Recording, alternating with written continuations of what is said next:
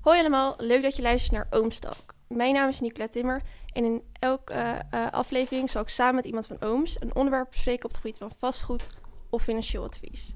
In deze aflevering bespreek ik samen met Ted Rommels, de directeur van Ooms Bedrijfshuisvesting, over winkels en het coronavirus.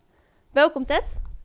Goedemorgen Nicola, leuk, Leuk. dat ik hier mag zijn. Ja, leuk dat je er bent. Ehm, hoe gaat het met je in deze periode? Nou, op zich gaat het redelijk goed. Eh, het is wel een hele bijzondere situatie.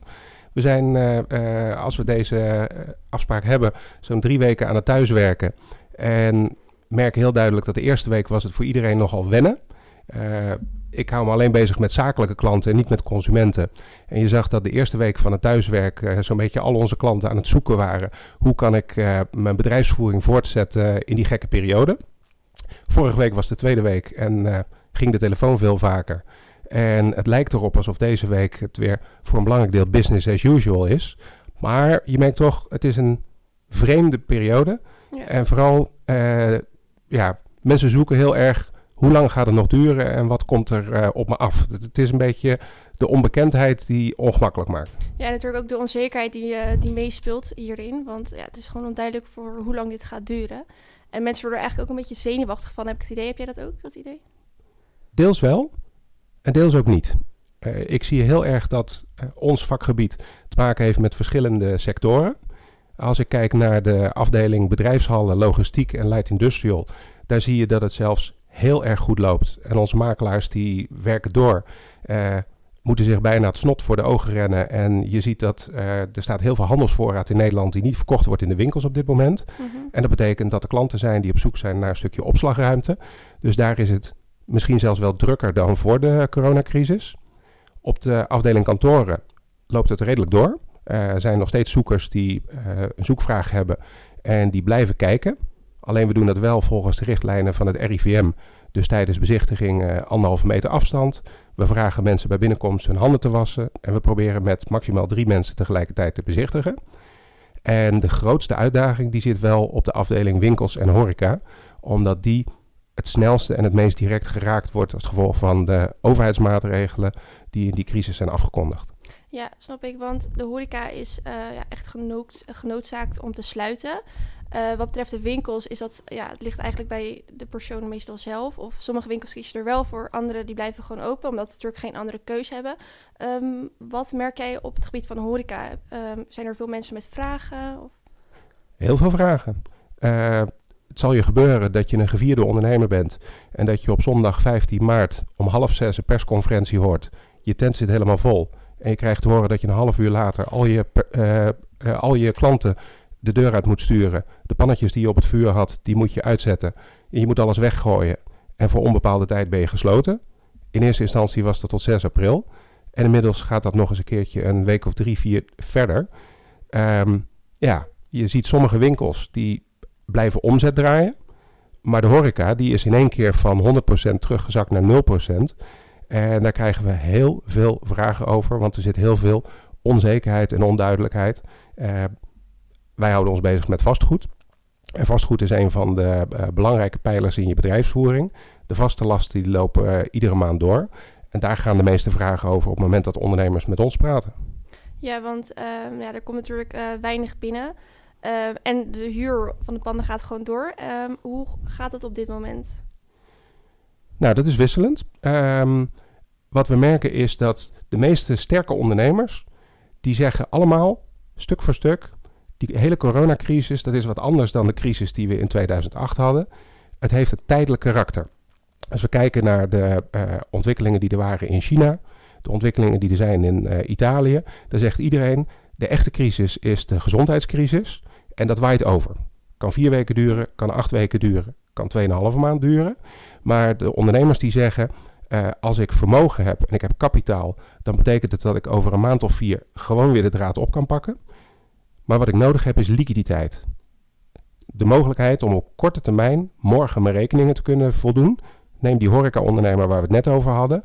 Die heeft 10 man personeel op zijn loonlijst staan. En die moet die 10 man personeel blijven betalen. Die moet zijn gebouw blijven betalen. En zijn inkomen zakt helemaal weg naar 0%. Ja.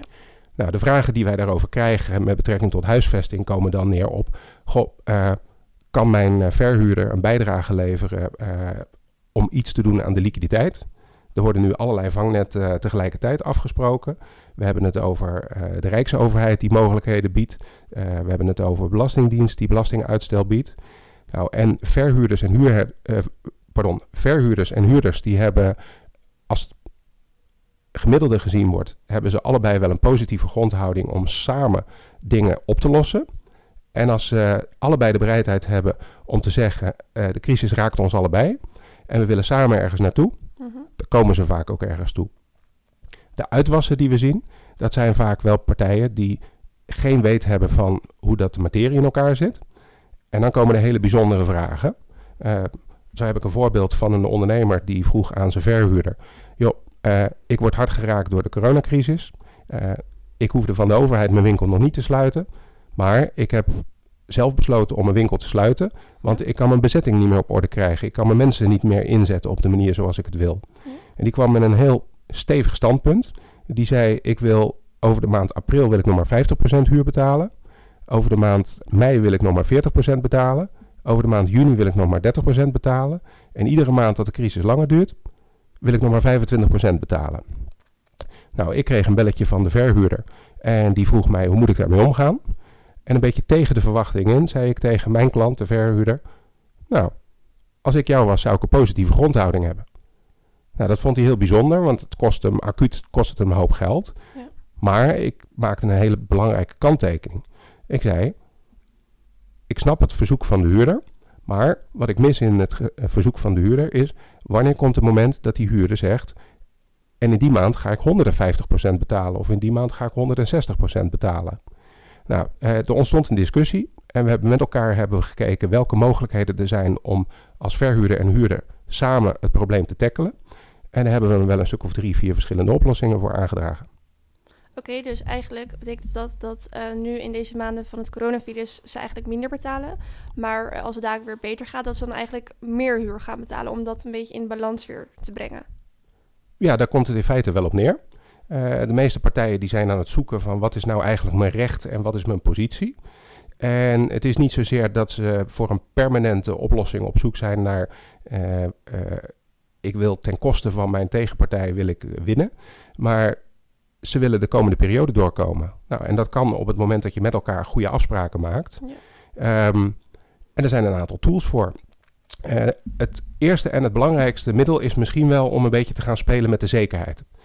Iedere huurder die moet, als hij een contract aangaat van een jaar of vijf, moet hij een uh, zekerheid stellen. En dat kan hij doen in de vorm van een bankgarantie of dat kan hij doen in de vorm van een waarborgsom. En het makkelijkste, de waarborgsom. Uh, ik huur op 1 januari 2020 een winkel. Uh, en dan moet ik drie maanden borg stellen en die betaal ik aan de verhuurder. Op het moment dat ik die aan de verhuurder overboek, dan is dat een uh, bedrag dat moet de verhuurder vijf jaar lang bij zich houden. En aan het einde van die vijf jaar, als ik het netjes weer inlever en ik heb de winkel netjes achtergelaten, dan krijg ik dat geld als huurder terug. Ja. Nou, uh, dat betekent dat dat geld, dat is van de huurder overgemaakt aan de verhuurder. Mhm. Maar het is niet van de verhuurder. De verhuurder heeft daarmee eigenlijk een soort schuld. En de huurder heeft een vordering op zijn uh, gebouweigenaar. Nou, uh, op het moment dat de huurder nu zegt: Ik heb een probleem, want ik ben bang dat ik door de crisis de uh, huur niet kan betalen over de maanden april, mei en juni. Als de verhuurder zegt, joh, weet je wat we doen? We verrekenen dat met de zekerheid. Mhm. Dat geld, dat heb ik in het verleden, in 2018 of in 2019 al een keer van jou gekregen. Uh, dan betekent het in feite dat uh, de huurder die betaalt wel zijn huur. Ja. Alleen die hoeft geen geld over te maken, want dat geld dat heeft hij al twee jaar geleden overgemaakt. Nou, dat is een van de mogelijkheden die er is. En datzelfde geldt ook als de huurder geen waarborgsom heeft voldaan, maar die heeft bijvoorbeeld een bankgarantie afgegeven. Mhm. Dat is een andere vorm van zekerheid, maar daar kan je op dezelfde manier mee spelen. In het geval van een bankgarantie is het zo dat de bank die garandeert dat als jij als huurder niet uh, aan je verplichtingen kan voldoen, dan kan de verhuurder met het papiertje wat hij heeft gekregen, een, soort bewijsstuk aantonen, kan die naar de bank en hij zegt: Kijk, mijn huurder betaalt niet. Jullie staan garant voor mijn huurder. Ik wil mijn geld hebben. Oké, en dan is eigenlijk de bank genood, genoodzaakt om dat te regelen. Ja, precies. En ook in dat geval betekent het dat het een stukje verlichting kan bieden op het gebied van liquiditeit, korte termijn geld voor de huurder. Ja. Um, Want op het moment dat ik een bankgarantie heb afgegeven, dan betekent het uh, de bank staat garant uh, voor drie maanden huur. Dus de bank uh, staat garant voor 15.000 euro. En als ik als huurder niet in staat ben om aan mijn verplichtingen te voldoen, nou, dan, dan springt de bank in. In de praktijk betekent dat dat als ik een bankrekening heb waar twee ton op staat, waar mijn inkopen van gedaan worden, ik, stel ik ben kledingwinkelier en uh, ik, uh, uh, ik koop in, ik verkoop. En die rekening die, die springt omhoog van 2 ton naar 3 ton. En als ik inkoop, gaat die weer terug naar 100.000 euro. Mm -hmm. Op die rekening wordt een klein gedeelte bevroren. Ik kan die 15.000 euro waar de bank garant voor staat, die kan ik nooit uitgeven, want dat is een soort latente schuld aan de bank. Yeah. En op het moment dat huurder en verhuurder overeenkomen dat die bankgarantie gelicht kan worden, nou, betekent het ook weer dat uh, dat stukje uh, bevriezing, dat wordt opgeheven. En daarmee kan de huur over die eerste drie maanden worden voldaan. Oké, okay, dus eigenlijk um, zeg je dus dat um, uh, huurders er nu voor kunnen kiezen om of de waarborgsom of de bankgarant um, ja, een soort van in te zetten als huur voor nou, maximaal drie maanden dan, op wat dat betreft. Ja. gebeurt dat veel nu? We merken dat het heel veel gebeurt. Er zijn, ik denk in 60, 70 procent van de gevallen, zijn er hele positieve en constructieve gesprekken tussen de verhuurders en de huurders. En als partijen een wil hebben, dan is er een weg en dan komen ze eruit. De grootste problemen die zitten juist bij het grootwinkelbedrijf. Mhm. Er zijn een aantal uh, landelijke en internationaal opererende ketens. En die hebben zich niet constructief en positief opgesteld, maar die hebben eigenlijk een hele brute en botte houding aangenomen. Die hebben een, uh, een flinke gepeperde brief door een advocaat laten sturen aan de verhuurders van al hun winkels in Nederland. Bij sommige ketens praat je dan over 300 winkels tegelijkertijd. En daar hebben ze rukzichtloos gezegd: beste verhuurder, wij betalen over april geen huur. Oké, okay, dat is wel uh, een uh, harde uitspraak. Ja, en dat betekent, uh, uh, ik leef vaak volgens het motto: wie goed doet, goed ontmoet. Ja. Als je als verhuurder een stukje een geste geeft, dan leidt dat ook tot goodwill bij je huurder en dan, dan kom je eruit. En op het moment dat je met slechte intenties aan een gesprek begint, dan ontstaat er uiteindelijk geen gesprek. En wat je dan krijgt is dat ja, de discussie verhardt vanaf het eerste moment gelijk. Dus ik heb voorbeelden van verhuurders die een brief krijgen van zo'n grote retailer.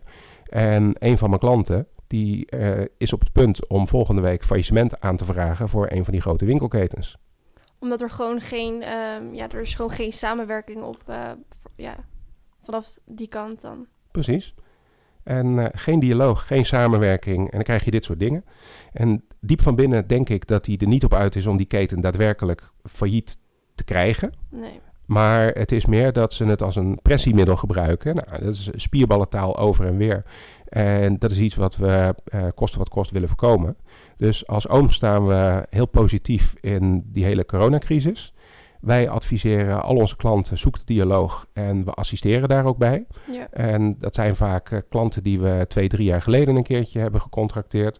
Waarvoor we op een gegeven moment zeggen, uh, kom bij ons. Uh, we gaan samen met partijen aan tafel. En daar waar we ooit het contract tot stand hebben gebracht voor de verhuurder. Of juist hebben aangehuurd voor de huurder. Zeg ik, dit is een dusdanig beladen en belangrijk onderwerp wij nemen dan eerder de positie in van scheidsrechter. Ja. Waarbij we tussen partijen in gaan staan en zeggen: we hebben een stip op de horizon. En samen met allebei die partijen willen we naar die stip op de horizon om een passende oplossing voor allebei de partijen te vinden. En net als veel van onze klanten en ondernemers zeggen wij ook: uh, de crisis is van tijdelijke aard. En op het moment dat je de komende periode, april, mei, juni, met elkaar goed doorkomt, nou ja, dan uh, uh, denk ik dat de winkelmarkt toch nog een uh, goede toekomst tegemoet kan zien. Ja, dus eigenlijk is de conclusie gewoon, joh, um, werk samen, doe het samen en um, kom gewoon gezamenlijk tot een oplossing. Ja, absoluut. En nou, jullie kunnen daar natuurlijk super goed bij helpen, als bemiddelaar, zoals je al vertelde. Um, nu is de horeca genoodzaakt om te sluiten. Uh, voor winkels is dat nog niet van toepassing uh, op dit moment. Komen daar veel vragen binnen van, um, ja, van winkeleigenaren van... Uh, moet ik nou sluiten? Wat moet ik doen? Of dat ze een soort van om advies vragen. Ja, iedereen is zoekende naar advies. En iedereen die wil weten wat moet ik eh, met deze locatie? Wat moet ik met mijn winkel? Wat moet ik met mijn personeel?